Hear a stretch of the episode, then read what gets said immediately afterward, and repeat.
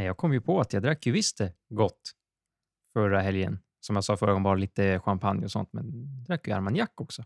Eftersom morsan Jag fyllde- säger ju det, anteckningsblocket måste fram de där de tillfällena, annars kommer det här fortsätta. Jag lovar dig. Ja, lite så. Vi börjar bli gamla, vet du. Det är dags, dags att anteckna vardagen. Ja, men jag tänkte ju inte så mycket på det. Men på kvällen, så morsan fyllde år och så drack vi hennes födelsedags Armagnac hon fick när hon fyllde det. Så det var en 50-årig mm, Armagnac de Montal 1970. Och sen även den senaste Glen Scotia-festivalen. Den var riktigt trevlig. Ja, vilket var bäst? Det var den där vodkan. Beska droppar. Ja, Beskan. Det är ju helt olika. Den här eh, Glen Scotian var väldigt trevlig. White Port Cask. Så den gav ju en väldigt trevlig ton tycker jag.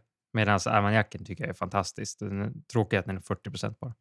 Som de ofta är ändå. Det är ju tråkigt. Det är sällan man hittar de här eh, riktiga bangerserna. När man är ute i, i whiskybarer, eller whisky blir inte då, men ute i barerna om man tittar i listorna. Det är ju oftast svagare. Ja, jag har ju en. Den här SMVS. Som, är- ja, det är ju en single cask. och Den är ju cask. Den är ju fantastiskt god. Men det är väl, jag tror bara den jag har. Mm. Och då är det SMVS dessutom. De Mm. kan ju sina saker. Eh, ja, Ja. lite så. Men det, det, så är det väl. Alltså, det är många som ändå har runt 40. Och alltså sådana typer av drycker menar jag. Ja, konjak är ju typ detsamma tror jag. Jag tror jag har typ en eller två konjak som är över 40 procent och någon av dem är så här 41,2. Typ de där Frappin vi drack. Mm. Ändå spännande. Ja, att de håller sig där, där nere. Sen tror jag har någon så här Cellar Master Select. Den tror jag typ är på 45. Så det är fortfarande inte så starkt. Ja, för whiskyn är det ju precis tvärtom ju. Där, är liksom, där, där drar ju folk ifrån 40 procent. Det är ju knappt så att saker för 40 procent säljer förutom den breda massan, publiken. Annars börjar ju till och med de, de flesta trappa upp siffrorna. Det ser vi ju framförallt på svensk whisky exempelvis. Agitator kör ju på 46 procent på allting de släpper, minst. Mackmyra har alltid kört, det är väl också 46, komma någonting. De har ju någon konstknas. Ja, jag tror det. High Coast ligger ju gärna där runt 50 och har sig. Nej, så det är ju verkligen tvärtom. Inom den marknaden också, det, är även skottarna. Ja, det känns ju som att eh, de säger det. Alltså, de, de skottarna har börjat lyssna många, i alla fall nyare destillerier som gärna kör på lite starkare för att eh, det är det folk vill ha. Men det känns som att de här äldre som hållit på länge, de kör sitt egna race. De kör sina 40 eller 43 procent. Mm. Ja, så kan det vara. Vi dricker ingen 43 procent nu inte. Nej, nej, nej, nu, nu är det starkt. Nu är det fakti- faktiskt starkt på riktigt. Vi är över streck 60-strecket. Det är man inte jätteofta och harvar. Nej, inte, inte jätteofta. Och vi, och vi dricker eh, whisky, ska sägas. Och en av de här flaskorna som vi köpte tillsammans, det är länge sedan nu. Ja, det, måste, det är väl... när ty- Vi pratar ju år. Ja, jag funderar på om det är innan pandemin eller typ första året i pandemin. Ja, det är nog innan tror jag. Ja, det är så länge Det sedan. tror jag. Ja, Och ändå så mycket kvar, ja. Det är ju bra gjort oss. faktiskt. Men, men nu börjar den sina lite. Vi dricker den just nu och det är en Glenallachie. En single cask från 2006, slutlagrad på, ska vi se, Ruby Port Pipe. Mm. Och den köpte ju vi på den här svenska whiskyklubben Slanche. När de hade en buteljering så gick vi ihop och delade på den. Mm. Och den, den är riktigt fantastisk. Jag kommer ihåg den här, för det var ju ett riktigt portträsk när det kom till träsk. riktigt portträsk när jag var i den whisky-gången jag var då. Det var ju piken av ett portträsk. Det känns som det inte var så länge sedan, men det är så länge sedan. Ja, men tiden går, vet du. Det är i alla fall en Glenallachie 2006 single cask, 15-åring. Slutlagrad på Ruby Port Pipe på 60,5 procent. Och den här går ju inte att få tag på, som ni förstår. Nej, så det är inte kul på det sättet i och för sig. Det är kul för oss, men kanske inte kul för dig som lyssnar och blir intresserad av denna whisky. Men Glenallachie är ju mycket bra eh, rakt av. Det är, liksom, det är ju ett säkert destilleri att dra till och köpa någon skoj utav. Absolut. Och speciellt när det kommer till de här singelkaskerna som ni kommer se på bild, för de ser typ likadana ut. För jag vet att farsan har tre stycken. De tror jag kom på systemet, i alla fall två av dem. Och det var också någon, någon bourbon och någon annan, på, bara port tror jag. Mm. Ja, men de släpper det titt som tätt. Även deras eh, core range är ju ruggigt vass för att vara en core range. Den ligger ju väl också, apropå 46 procent, så ligger väl den på 46 procent. Och 12-åriga, den kan man ju få nästan gratis, är ju känslan utomlands. Framförallt utomlands. På Systembolaget inte lika mycket, men det är en av de här rariteterna där faktiskt Systembolaget inte ens är i närheten att vara konkurrenskraftiga med utlandspriser. Ja, faktiskt. Det stämmer, stämmer rätt bra. Men det är ju, tror att det är Selected Malts. Jag är rätt säker på det, som importerar in de här. Så att man ska ju hålla lite utkik när de väl släpper de här överhuvudtaget. All Glenelliky, som vi säger, det är bra.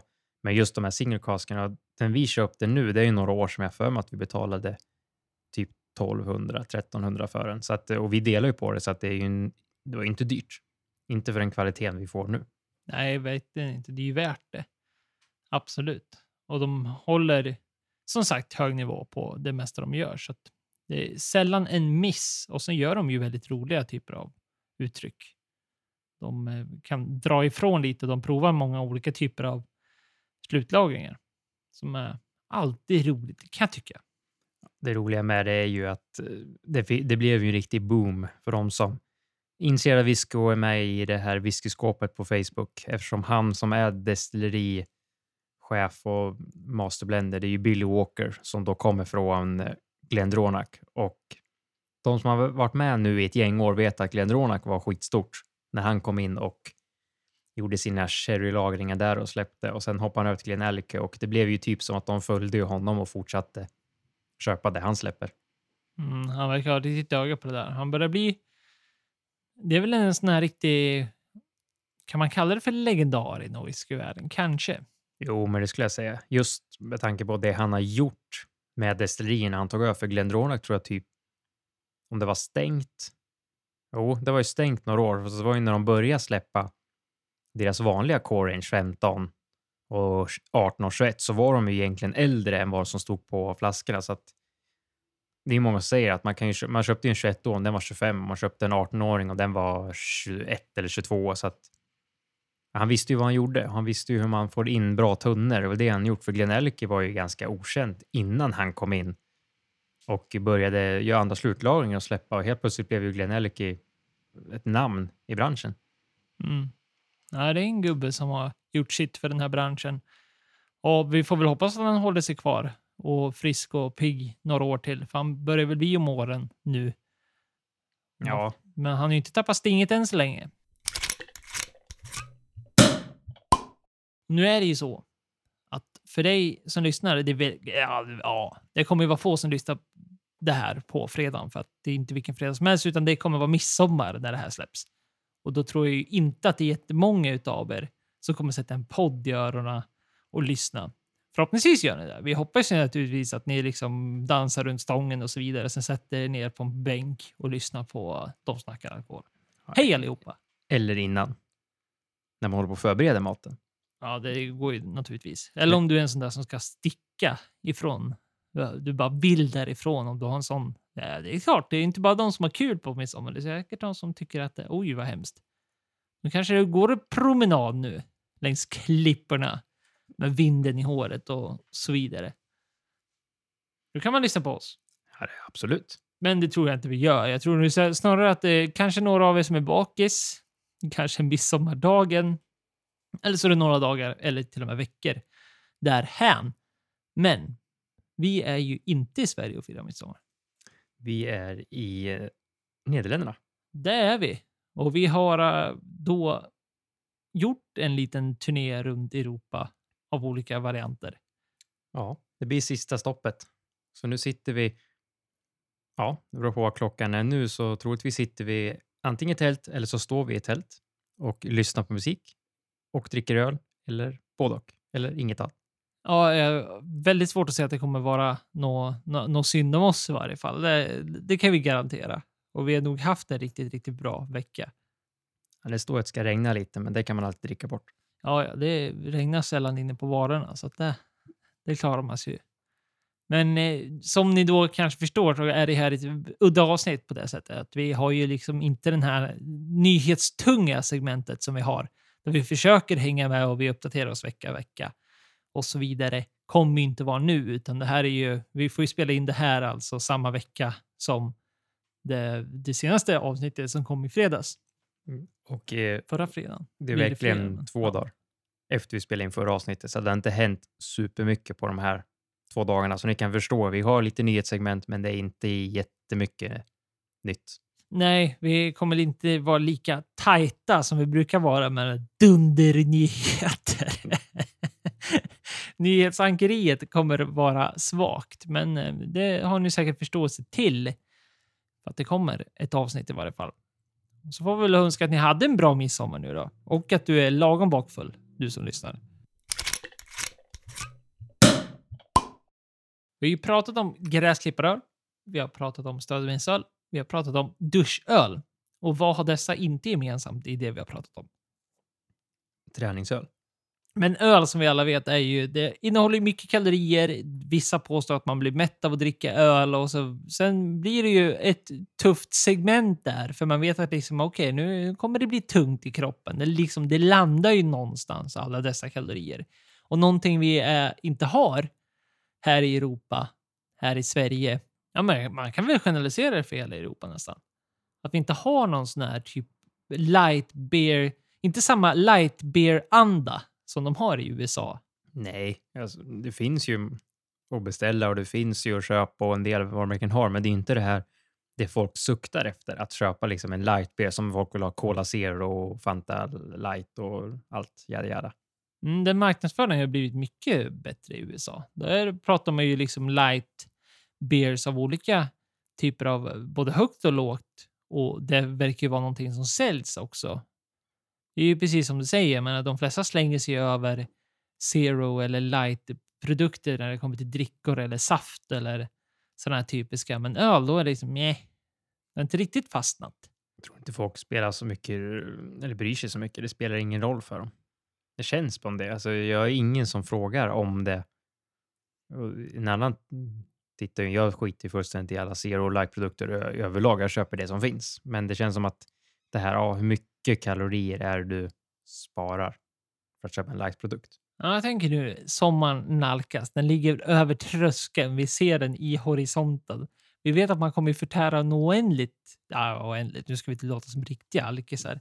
Men vi är ju vi är entusiaster som kommer dricka mycket öl och precis som de flesta svenskar så tror jag att eh, semestern är ju lite av en sån här vibe där man kanske konsumerar mer alkohol än vad man normalt gör Klockan är alltid efter tolv någonstans. precis den typen av eh, mentalitet har ju de flesta. Skulle det då inte vara trevligt med en light beer istället? Om det är liksom en vanlig semester onsdag och du har druckit redan fredag, lördag, söndag, måndag, tisdag. Och du tänker att ah, men vi kör tre, fyra öl ikväll med. Ja, det skulle absolut funka. Men frågan liksom är hur mycket det är. Om man kollar, eh, vi ju kollar upp en artikel här som Forbes har skrivit eh, om light beer där Heineken till exempel lanserar en Heineken Silver. Där där det står att det är 3,2 gram av eh, vad säger de, carbs, Ja. Ja. Kolhydrater. kolhydrater och eh, 95 kalorier per 12 ounce. Men vad är din vanlig då? Eller det, kan- det carbs kanske är kolhydrater. Det är något av det i varje fall. Det kanske är kalorier till och med. Ja, förlåt, vad sa du? Eh, Bara vad är din vanlig öl? Vad är det för skillnad egentligen? Alltså, Nej, öl är jävla mycket. Jag tror det snittar, ja, men jag tror det ligger så mellan två och tre. Nu, nu höftar jag bara som den. Men alltså, det är, det är alltså, man vill ju inte, jag tänker inte kolla upp det, för man vill inte veta det. Det är det som är grejen, men det är väldigt mycket per öl. Och där tror jag Guinness är en sån här som har lägst kalorier. Ja, det känner jag igen också. Ja, Fisk gör liksom inte heller mycket. vara. Nej, så det, det Drick kan de ju marknadsföra själv kanske. Bra marknadsföring, en slogan. Less calories than beer. Säljer nog mycket. Nej, men alltså själva konceptet. Och där har, precis som du nämner, att i den här Forbes-artikeln så framkommer det där också just hur light beer ses på ett helt annat sätt i USA. Och det är någonting man strävar efter. Och den här artikeln drar ju just mot att det har fått en renässans, att det är mer och mer premiummärken, varumärken borta över Atlanten som satsar på just light beer för att det finns en sån enorm marknad. Det är varmt och de äter marsvin. Då är vi i, Argentina. jag tror de äter marsvin. Det är mer Peru tror jag. Det kan vara Perus nationalrätt. Har jag säkert jättefel i. Men de grillar massa kött i varje fall, så det är säkert ett marsvin någonstans. Ja, ja, ja. Och vad dricker de till marsvinet? Vin. Vin. Vin. Och inte vilket vin som helst, utan hejdundrande vin. Av allt som tyder. Experter, riktiga experter, alltså inte tjommar som eh, jag och Viktor, utan riktiga experter som går in och säger att argentinsk, den, den harvesten de har gjort nu under 2023 och kommer att göra verkar ju bli den bästa hittills. Och det kommer bli de bästa vinerna hittills. Det här har vi pratat om tidigare med eh, viner från Chile, att det ser ljust ut för årets skörd. Där käkar de också säkert marsvin. Jajamän. Och eh, det ser ut att bli så nu också, även om det har varit riktigt dåligt väder så ser det fortfarande ljust ut för eh, de här vinerna och det visar ju mer att man eh, behöver hålla lite mer utkik utöver världen och inte bara stirra sig blint i Frankrike, och Italien. Då. Nej, precis. Framförallt med de här nyheterna, att det är då så här tidigt, för att jag tror väl av artikeln att tyda som du hittar på The Drink Business att skörden är inte helt klar än heller, utan den kommer väl fortsätta. Naturligtvis beroende på vilken druva det är och så vidare. Det är väl, liksom, det är väl inget annorlunda i Argentina än någon annanstans, förutom att de kanske äter mer marsvin till deras vin och så vidare. Och nu har vi blivit lurade. Det är eh, ett eh, engelskt sparkling wine som har varit med i en tävling, eller vad man ska säga, en tasting, där bland massa champagne och låtsas vart champagne och eh, faktiskt vunnit. Ja, ja vun- vunnit och vunnit. De har ju... Det här, det här är som all, all reklam.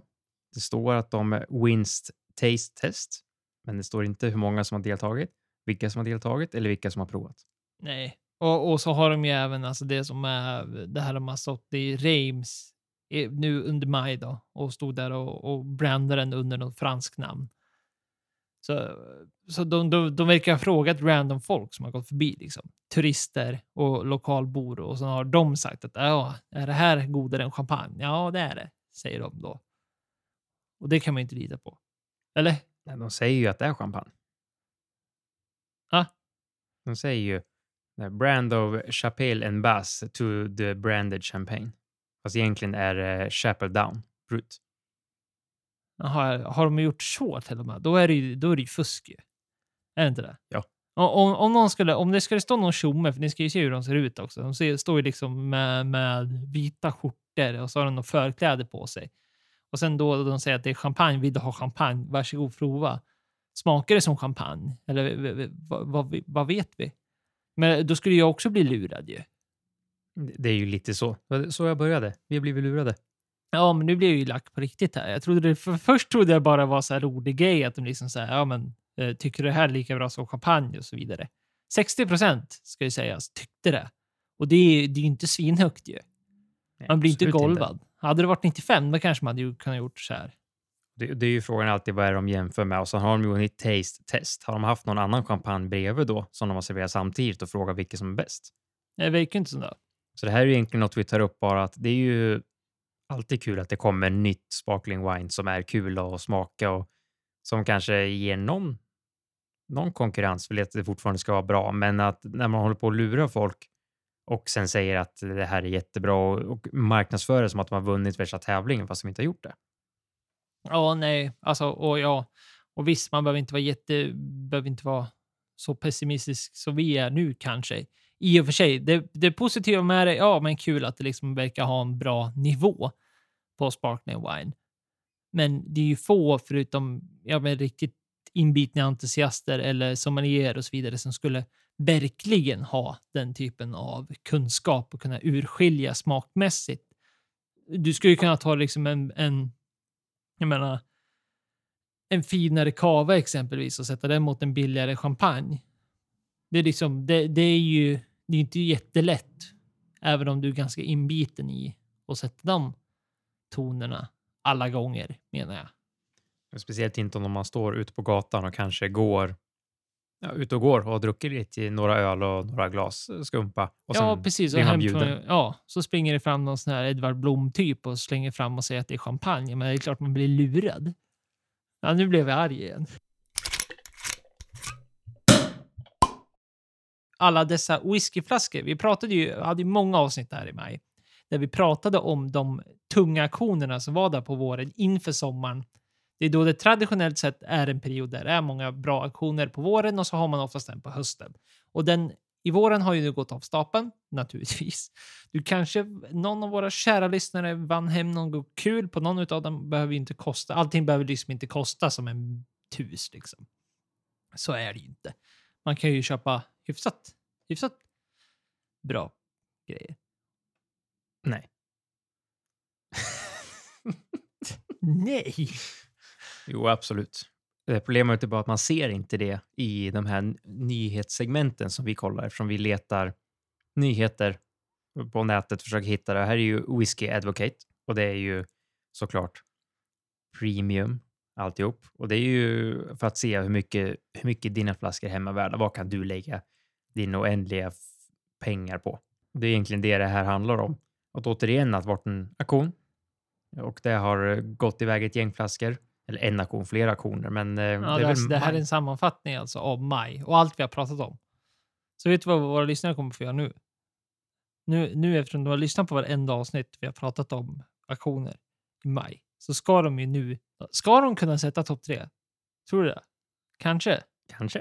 Vi vi gör ett försök. Nu rullar den dramatiska musiken. Du får med bra tempo nu.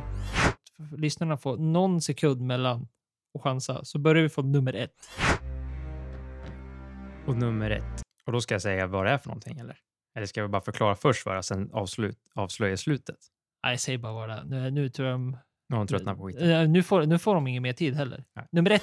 En Macallan Genesis 72-åring såldes den 22 maj för lilla priset 74 543 dollar. Det var ju nummer tre. Eller jaha, du tre. tänker så. Du tänker nummer ett till nummer tre. Så vi går från tre, två, ett. Ja. Ja, Som precis. billiga, billigaste först. Det var, ju, Ja. det var ju billigt. Hallå? Okej. Ja, men, men nu kanske jag förstör det för lyssnarna för att jag sa nummer ett nu. Ja, skitsamma. Ja, de, de får, ju- de skicka ett mejl till kontaktet till säkerhetkoll.com. Och klaga. Ja, ja, nummer två. Nu blir det två vilket har Ja, precis. Hur som. Så det spelar ingen roll. Och då mer än dubblar vi priset för en Macallan Fine and Rare 1957 15-åring som vi har pratat om i tidigare avsnitt. Som gick för 160 000 dollar. Det är otroligt. Det är helt sjukt. Men det var ju bara väldigt få flaskor. Så hallå? Hallå? Ja. ja. Nej, men, och, och tre snackar vi också på. Men, ja, så Mm. jag tror ni, ni har det här. Och sen nu Mm. första. Det här Nummer är ju ändå färskt på minnet. Ja, det här pratade vi om för eh, inte så länge sedan. Och det är Baumor Ark 52. Deras eh, superfula kaffe... Det, det som såg ut som ett kaffefilter. Ja. Ja. Det finns en bild. Du kommer ju ihåg vilket avsnittsnummer det är. Två avsnitt sedan. Ja, och det blir 20. 20. 20. 20. Har vi en bild ute på nummer 20? Ja. Ja. Vi säger att det är det. Är det fel så mejla till kontaktet. Jag. Ja, då får du bara bläddra i Instagramflödet så hittar du. Det var, är det inte 20 så är det 19 eller någonting. Och där hittar du alltså en bild på, på den fredagen. Där, där avsnittsbilden, ifall du vill se vad vi pratar om. Och den gick ju för 185 087 dollar och det var ju det som faktiskt gick för auktion till som skulle gå tillbaks till ön. Så visst, det var väl yay, någonting. Ja, ja, precis. Nej, men och, ja, så, så var det med det. Det var liksom majs eh, tunga och lite snabb recap då om vi tar statistiksmässigt så vinner ju Macallan med, med hästlängder. Det är ju de Alltså, eh, stämmer det här? I maj så sålde alltså, bara i maj, Macallan-flaskor, 10 styckna, totalt 539 000. Ja, Och- dollar. Ja, och totalt i år har det sålts 38 Macallan-flaskor för 2 539 586 euro. Eller Så nej, vi dollar. skämtar ju inte när vi säger att det är hög. Och sen kommer Yamasaki, sen Karus, Karuizawa och sen Baumor. Och det är ju de man brukar prata om. Ja, vi brukar kunna slänga in Ardbeg, fast Ardbeg är lite mer av liksom fattiglaps eh, Ja, har, du inte, investeringar. har du inte råd att köpa Macallan Än så köper man Ardbeg. Ja, och hoppas på att det kommer bli lika bra. Ja, nej, ser man listan så är det ju många kända märken här, men eh, just maj har ju dominerat av just Macallan. Ja, och inte fan har vi fått någon mejl än så länge om vilka snaps ni har druckit. Det är ju i och för sig svårt. För Kommer jag på nu. Vi har inte ens släppt det första avsnittet när vi pratar om snaps. Okej, nu när vi lyssnar på det här så kommer ju alltså förra avsnittet, förra vecka sedan. Det blir alltså, vad, vad, vad blir det för datum? 16 juni. Det avsnittet så pratar vi just om snapsar väldigt mycket och vi pratar om eh, midsommar och så vidare. Och där uppmanar vi om att ni ska höra av er om, om vad ni tycker om snaps och era historier bakom eh, högtider och så vidare. Men nu är det ju i och för sig kul, för nu har det ju varit midsommar då. Eller det är midsommar, så antingen eh, lyssnar du på det här när du ska dricka snaps eller när du ligger typ bakis eller några dagar efteråt. Och inte vill höra någonting om snaps. Precis, så därför så kan jag hålla käften och så glider du in nu in, inför när vi pratar till kontakt disnackeralkohol.com och berättar vilken snaps du drack. Det vill vi faktiskt höra. Jag skulle faktiskt vilja ha en lista på vad folk dricker för typ av eh, akvaviter och snaps. Så gör det bara. Nog om det nu då. Vi, som sagt, kommer inte dricka några, någon akvavit eller någon snaps för att vi är nere och härjar. Och vi kommer göra en, lite av en tour. Eller hur? Ja, det, det skulle jag absolut säga. Första dagen blir inte så mycket av en tour utan det blir mer en pina, raksträcka, rakt ner. Ja. Köra alltså. Ja. Don't drink and drive och så vidare. Så det kommer vi inte pyssla med då. Utan då, då kör vi bara. Och, och vi ska ju åka till... Första stoppet blir ju Tyskland, genom Danmark. Vill säga, fast det blir nog ingen stopp i Danmark. Det blir en raka vägen rakt igenom. Ja, det är skönt. Ja, faktiskt. Precis, så första blir ju i Tyskland. Och vi kör två stycken stopp, olika stopp i Tyskland. Så där är ju målet naturligtvis att vi kommer försöka leta reda på några guldställen. Det är ju, ja, det är ju ändå många som bilar ner eller i alla fall åker ner till Tyskland eh, på, på, på ett eller annat sätt. Så att, eh, där ska vi försöka hålla ögonen öppna och se om vi hittar några tips när vi väl är tillbaka. Naturligtvis.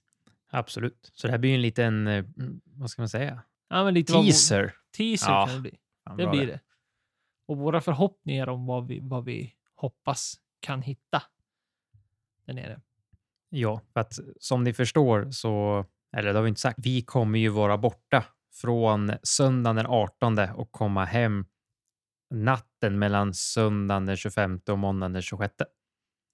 Alltså där, däremellan blir det väldigt svårt att höra av sig till kontaktet till snackatalkohol.com ifall man vill ha snabbt svar. För det, Ja, det, det, bara, det kan bara, dröja, höra, bara höra av sig. det kan dröja någon timmar Ja, ja. längre Ja, ja. med att höra av dig. Men eh, så är det. Så att vi kommer vara borta ett tag. Och som sagt, Tyskland, två dagar. God öl kommer det säkert vara. God, gott vin. För vi kommer hålla oss mer åt Västtyskland så. Så vi kan ju få försöka passa på att dricka någon gott Riesling eller dylikt. Ja, ja, det är ju obligatoriskt. Det löser vi. Ja, absolut.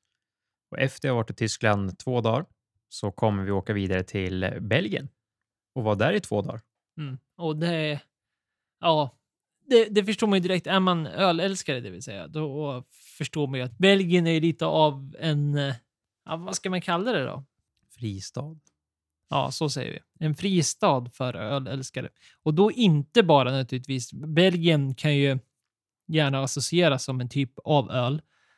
Vilket visst, lite smått generaliserat, man kan klassa viss typ av öl som klassisk belgisk. Men eh, naturligtvis gör de ju all typer av öl. Men det roliga med Belgien är ju snarare deras ölkultur. Det behöver nödvändigtvis inte vara ölen i sig, utan det är ölkulturen som är väldigt djuprotad och har väldigt, väldigt lång historia. Och de som har lyssnat på podden har vi pratat mycket om det här med munkar, nunnor och eh, trappistöler. Och som ni förstår när vi pratar om det att vi tycker att det är väldigt gott. Så att det ska bli väldigt kul att se landet där det kommer ifrån.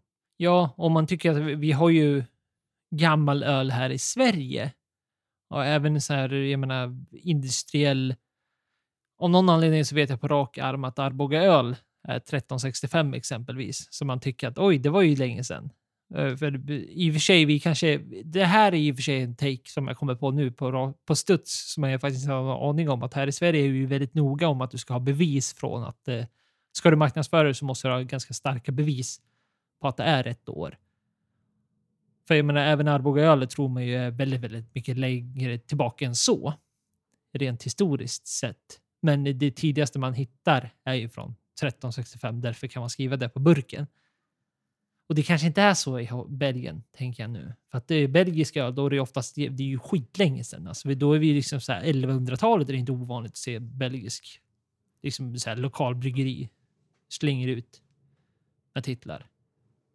Precis, så att eh, det ska bli väldigt kul att se. Och vi har egentligen bara bokat nätter i en stad, men vi får väl se om vi branchar out och åker iväg på en liten tripp där också, om det finns någonting i närheten där vi bor. Vi har ju faktiskt inte varit jätteduktiga på att kolla upp saker i områden, men vi tänker att vi tar allting som det kommer. Ja, och det är väl lite så vi fungerar och det är oftast där det brukar bli väldigt, väldigt kul när man tar lite saker på studs och lite, lite spontant sånt där. Om man kör, framförallt gå på feeling. För så är det ju. Det är ju då blir det ju oftast bra. Inte, går man inte på sin egna så går man på någon annan. Så det blir ju oftast väldigt trevligt och bra. Men sen avslutar vi denna lite lilla tour i eh, Holland, Nederländerna. Precis som vi kommer vara dagen om du då av någon anledning lyssnar på det här fredag, lördag, så kommer vi ju alltså vara där. Lyssnar du på söndag så kan du garva åt för att vi ska sitta och sträckköra i... 16 timmar tror jag det tar, ungefär, Det, ja, det ser... utan stopp. Ja, fy fan alltså. Vi ska köpa öl på vägen hem också. Ja, det ska vi i och för sig göra. Och det kommer vi prata om, både gott och ont naturligtvis, hur den upplevelsen är. För att det, vi, är ju, vi har ju vägarna förbi nu, det är klart man stannar och köper öl. Men eh, det finns ju många starka röster emot det där och hela det beteendet att man åker ner och köper öl. På, i, I de massor vi gör, dels på både skatteskäl och så vidare och av skäl att man köper industriell öl istället för svensk eh, hantverksöl och så vidare. Men det finns ju naturligtvis två sidor på varje mynt så att det får vi ta då efteråt. Så får vi ber- berätta om vår upplevelse och så kan vi ta dem, den diskussionen där och då istället. Men det kommer vi göra. Precis, och vi kommer just köra ett nytt avsnitt där. Vi kommer ju komma hem, ja, förhoppningsvis om inget går fel, där natten på måndagen. Och på och, eh, någon dag efter det kommer vi spela in ett nytt avsnitt, så vi kommer allt ganska färskt i minnet. Så att återigen kanske blir det ett halvknakigt nyhetssegment. För att vi kommer nog inte orka läsa på så mycket. Vi kommer leta oss såklart på vägen hem och så, men det kanske blir lite... Ja, vi har ju 16 timmar på oss tydligen. Så att, Det hinner vi inte så mycket på. nej. Vi lägger ju gärna 20 timmar minst. Ja, eller hur? Nej, men så är det väl. Och det händer ju inte så mycket. Men det är, det är väl som det vanliga nyhetssegmentet. Och då menar jag inte bara inom alkoholhaltiga drycker, utan vi alla vet ju hur sommarnyheterna brukar vara. Det är ju bara såna här akuta, men annars liksom mjölkar de ju ut det allra minsta. Det är ju en känd nyhetstorka och det heter ju nyhetstorka av en anledning. Och den är ju gärna här på sommaren och det kommer ju naturligtvis reflektera i våra nyhetssegment också. Så även om inte vi går på semester så gör ju världen det. Och nu kommer ju vi gå på semester och precis som du som lyssnar kommer dina semestertider kommer börja och så vidare. Och då är man inte lika tillgänglig för sånt där heller, vet du vad? Alltså, man orkar ju liksom inte sätta sig, man är inte lika skarp en kväll i april när man läser en artikel och man läser statistiker och man läser sånt där. Det orkar man ju inte nu. Så jag menar, våran IQ som inte är hög, normalt fall kommer ju liksom tokdyka nu med 70 procent när sommaren kommer in och semestern börjar och vi kommer ju hamna på riktigt lojplan. Så att jag menar, förvänta er riktigt halvsåsiga surdegsanalyser nu. I bästa fall. I värsta fall, då kommer ni höra ett kort avsnitt där vi säger ja, har du druckit? Nej. Så att eh, ja, vi, får, vi får se hur det blir, men vi har ju även planer på eh, lite nyheter och lite ämnen och sånt där. Så nu har vi ju, det också under semestern har vi ju tid att kolla upp sådana saker. Ja, jävlar vilken press du sätter nu. Jajamän. På, de, på dig. Alltså, du du har ju semester först. Alltså nu satte jag den här ribban så jävla lågt med mitt lilla brandtal här. Och så nu tar du bara upp den och sätter på en jävla Patrik Sjöberg-nivå här igen. Så att vi ska, nu ska vi leverera helt plötsligt. du har ju semester när jag jobbar, så att du har ju jättemycket att göra. Men så här gör vi. Du levererar. Jag liksom går på 70 procent av min normala hjärnkapacitet. Som inte är så hög till att börja med. Så får vi se vad det här landar. Men naturligtvis så är det ju, skämt åsido. Nej, men det blir nog bra. Men nog om det. Det kommer ju komma inom kort.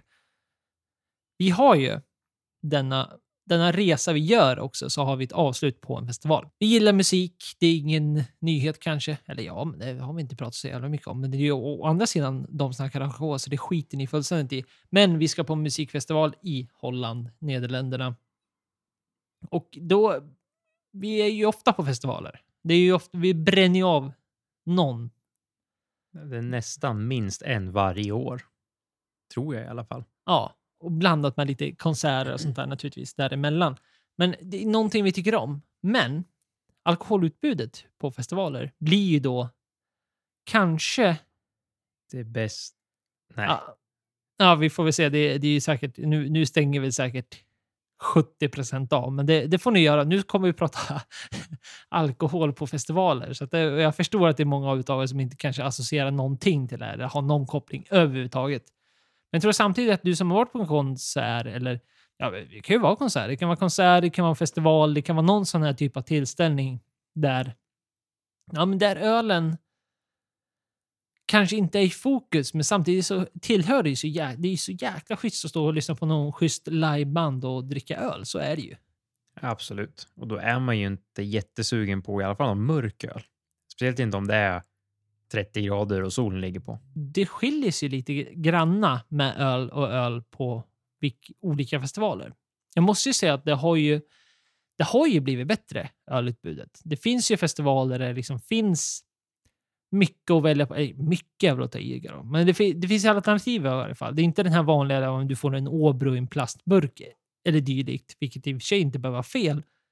Men du kanske är ute efter något annat.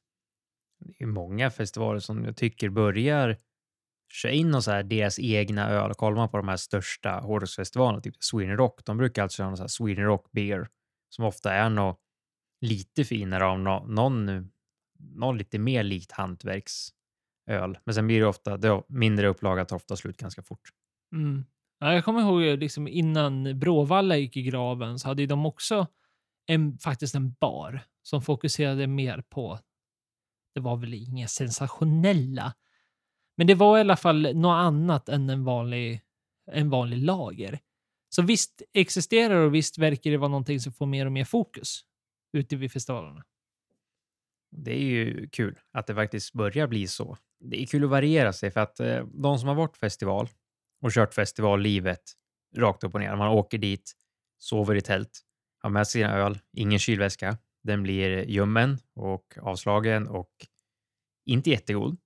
Då är det väldigt gott att gå in och ta en kall öl och just då, den första ölen kan ju vara god med en, van, som du säger, en Åbro, en vanlig. Men det är ju kul då att ha någonting annat som verkligen bryter av mot all den här mm, säga, massproducerade lagerölen. Känns det inte som att drinkar skulle kunna flyga som bara fan på festivaler? En GT eller en vanlig sån typ av drink. Jag tror det. Det är väl frågan om det är andra tillstånd för öppen spritservering. Ja, i och för sig, det är, ju- det är ju inte, de kanske är rädda för fyllan. Och så skulle det säkert bli. Det skulle ju komma något typiskt grabbgäng och sen ska de liksom sänka såna där och sen blir det bara... Så blir det inget bra. Fast det är med å andra sidan, festival är en festival. Det är liksom är inte... Ja, jag vet inte. Ja, men det, är- det är ju sant i och för sig. Det kanske är andra tillstånd. Vad brukar du ha med dig när vi åker på festival då? När man åker på festivalen, eh, då brukar man ju ha med sig någon typ av, alltså, det blir väl den här gräsklipparölen återigen som vi kommer komma till många gånger denna sommar. Det är inte sista gången jag hör det begreppet slängas runt. Det är en sak som är säker. Men det blir väl något sånt. Och det blir väl lite där man tager vad man haver situationer. Det brukar ju vara någon sån här, ja men typ Falcon, typ ljus vanlig svensk industriell lager i alla fall. Ja, Mm. du då? Ja, det är ju detsamma. Kör ju på standard, största gräsklipparölen. Falcon. Ja. Det, det, den går bra. Och som sagt, dagen efter när den är ljummen, om man inte har en kylväska, ja, det är inte jättegott, men det går. Man, man sitter och tänker att dricka en eh, fesljummen Guinness som har legat i solen. Vet du, tusen om den hade gått i ens. Nej, nej, det är sant. Och det, det är ju för sig man, ett viktigt, bra och ett hett tips för dig som ska på festivaler, eller om du, är- du är ny inom festivaler. Är du senior så kanske det här är inget nytt, men, men visst måste man ha mycket att bryta av med. Då mår man ju bra. Alltså ta inte, åk inte med några plattor öl och tro att det här klarar sig.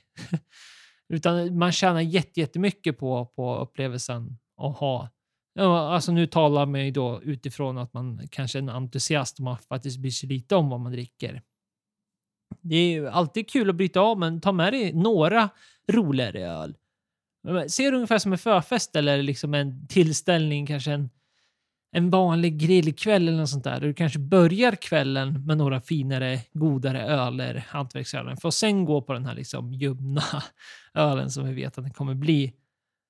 Men även när det kommer till andra typer av smakbryt. Det är alltid kul att ha med sig. Vi brukar ha med oss någon typ av whisky, har det ju blivit de senare åren. Exempelvis. Ja, det brukar bli någon, ofta någon vanlig blend eller någon lätt singelmalt som är eh, god i solen, som inte heller behöver vara... Det ska inte heller vara en smaksensation, för du sitter ju ofta i ett tält eller eh, på gräsmatta på en åker eller någonting, så det är ju inte heller, och du har plastglas. Så det är inte heller upplevelsen, utan det är mer för, en, eh, för att bryta av. Vi har ju en tradition på en av festivalerna vi åker på att vi går och möter upp eh, några, några släktingar som då serverar drinkar. Och ofta är det en eller två drinkar och den är ju väldigt god där. Ja, men den är ju det. Och jag tror ju det har ju väldigt mycket, ungefär som de här whiskysarna på, på en sån tillställning eller vad det nu kan vara. Det är inte det kanske det finaste rent eh, dryckesmässigt. Absolut inte. Men feelingen och i den stunden så blir det ju det. Och där har vi återigen ett ämne som vi kanske behöver prata mer om hur, hur stor känsla en dryck har. Snarare än liksom det är atmosfären, det är runt omkring drycken, vad det har för någonting när du väl dricker det och upplevelsen runt om den snarare än själva fokuset på drycken i sig. Och den har ju naturligtvis betydelse här. Absolut. Det är ju grejer. Vi är ju ofta väldigt trevligt när vi är på de här festivalerna och vi kan ju associera. Vi har ofta tagit med oss någonting och sitter vi och dricker och bara alltså, det här är så gott och trevligt och allt det. Det, det är stämningen som gör att det blir gott än kanske själva drycken. Ja, jag tror nog alla, jag tror nog att alla känner igen sig där nästan. Att ibland när det är riktigt varm dag, det kan vara en festival, det kan vara en sån där, du har gjort någonting, du är liksom lite halvsliten i kroppen, det vill säga inte på grund av alkoholen utan för kroppen. Du har liksom stått och lyssnat på mycket konserter och så vidare och du är i ett gott sällskap. Kvällssolen börjar komma ner och det är nästan som man tänker det att i den stunden, nej, men man kanske inte vill ha något annat i, i handen än en kall svensk lager. Det kan jag helt hålla med om, för då man är inte så sugen på något annat. Ofta är man lite mätt och som jag pratade om, man kan bli mätt av att sitta i solen. Man blir inte hungrig utav det. Så sitter man bara och dricker öl, öl, öl, blir man mindre hungrig för det också. Så då står man ju där och då kan jag ha en vanlig kall svensk lager. är väldigt trevligt just då. Mm. Nej, de har, sina, de har sina fördelar ibland. Sen har vi alltid roligt sällskap som vi åker med. Så att det, det är ju sällskap som gör mycket. Vi har en som alltid tar med sig en platta halvliters 7 sidor som han aldrig dricker upp. Som vi alltid skrattar åt. Och sen har vi även en annan som äter allt på festivalen innan första dagen är slut. Ja. Ja, de där sidorna det har vi faktiskt. Det är ju faktiskt från en festival där vi hörde det var liksom en ja, men klassisk hård. Vi lyssnar ju vi lyssnar ju mycket på metal, hårdrock, den typen. Och då var det en hårdrockare som skulle iväg från tältplatsen in på festivalområdet. Det var våra grannar då. Och då gick hans kompisar ganska bit långt framför. Och då står han långt bak, liksom ser hård, stor ut och sen bara vrålar han till sina kompisar. Ej du vänta, jag måste dricka upp min cider. Folk kan ju se att jag dricker cider. Klassiskt minne. Ja, och det är ju sådana minnen man får på sådana här, men det, är, det, är ändå, det summerar ju också upp. I och för sig, då har väl han någon typ av ja, syn på sidor som kanske inte vi har då, men, men, men grejen var ju jävla roligt. Det är mycket roligt på festival, så att eh, jag kan förstå att ah, den, det livet, eller den grejen, inte för alla, men att bara kunna sitta en dag på ett festivalområde, typ vid en tältstol och bara se folket och höra folket och kanske inte behöva lägga sig i det här tältet sen. Det är absolut värt det, för det är bland det roligaste som finns att kolla på det här folket. Folk kan ju se att jag dricker cider!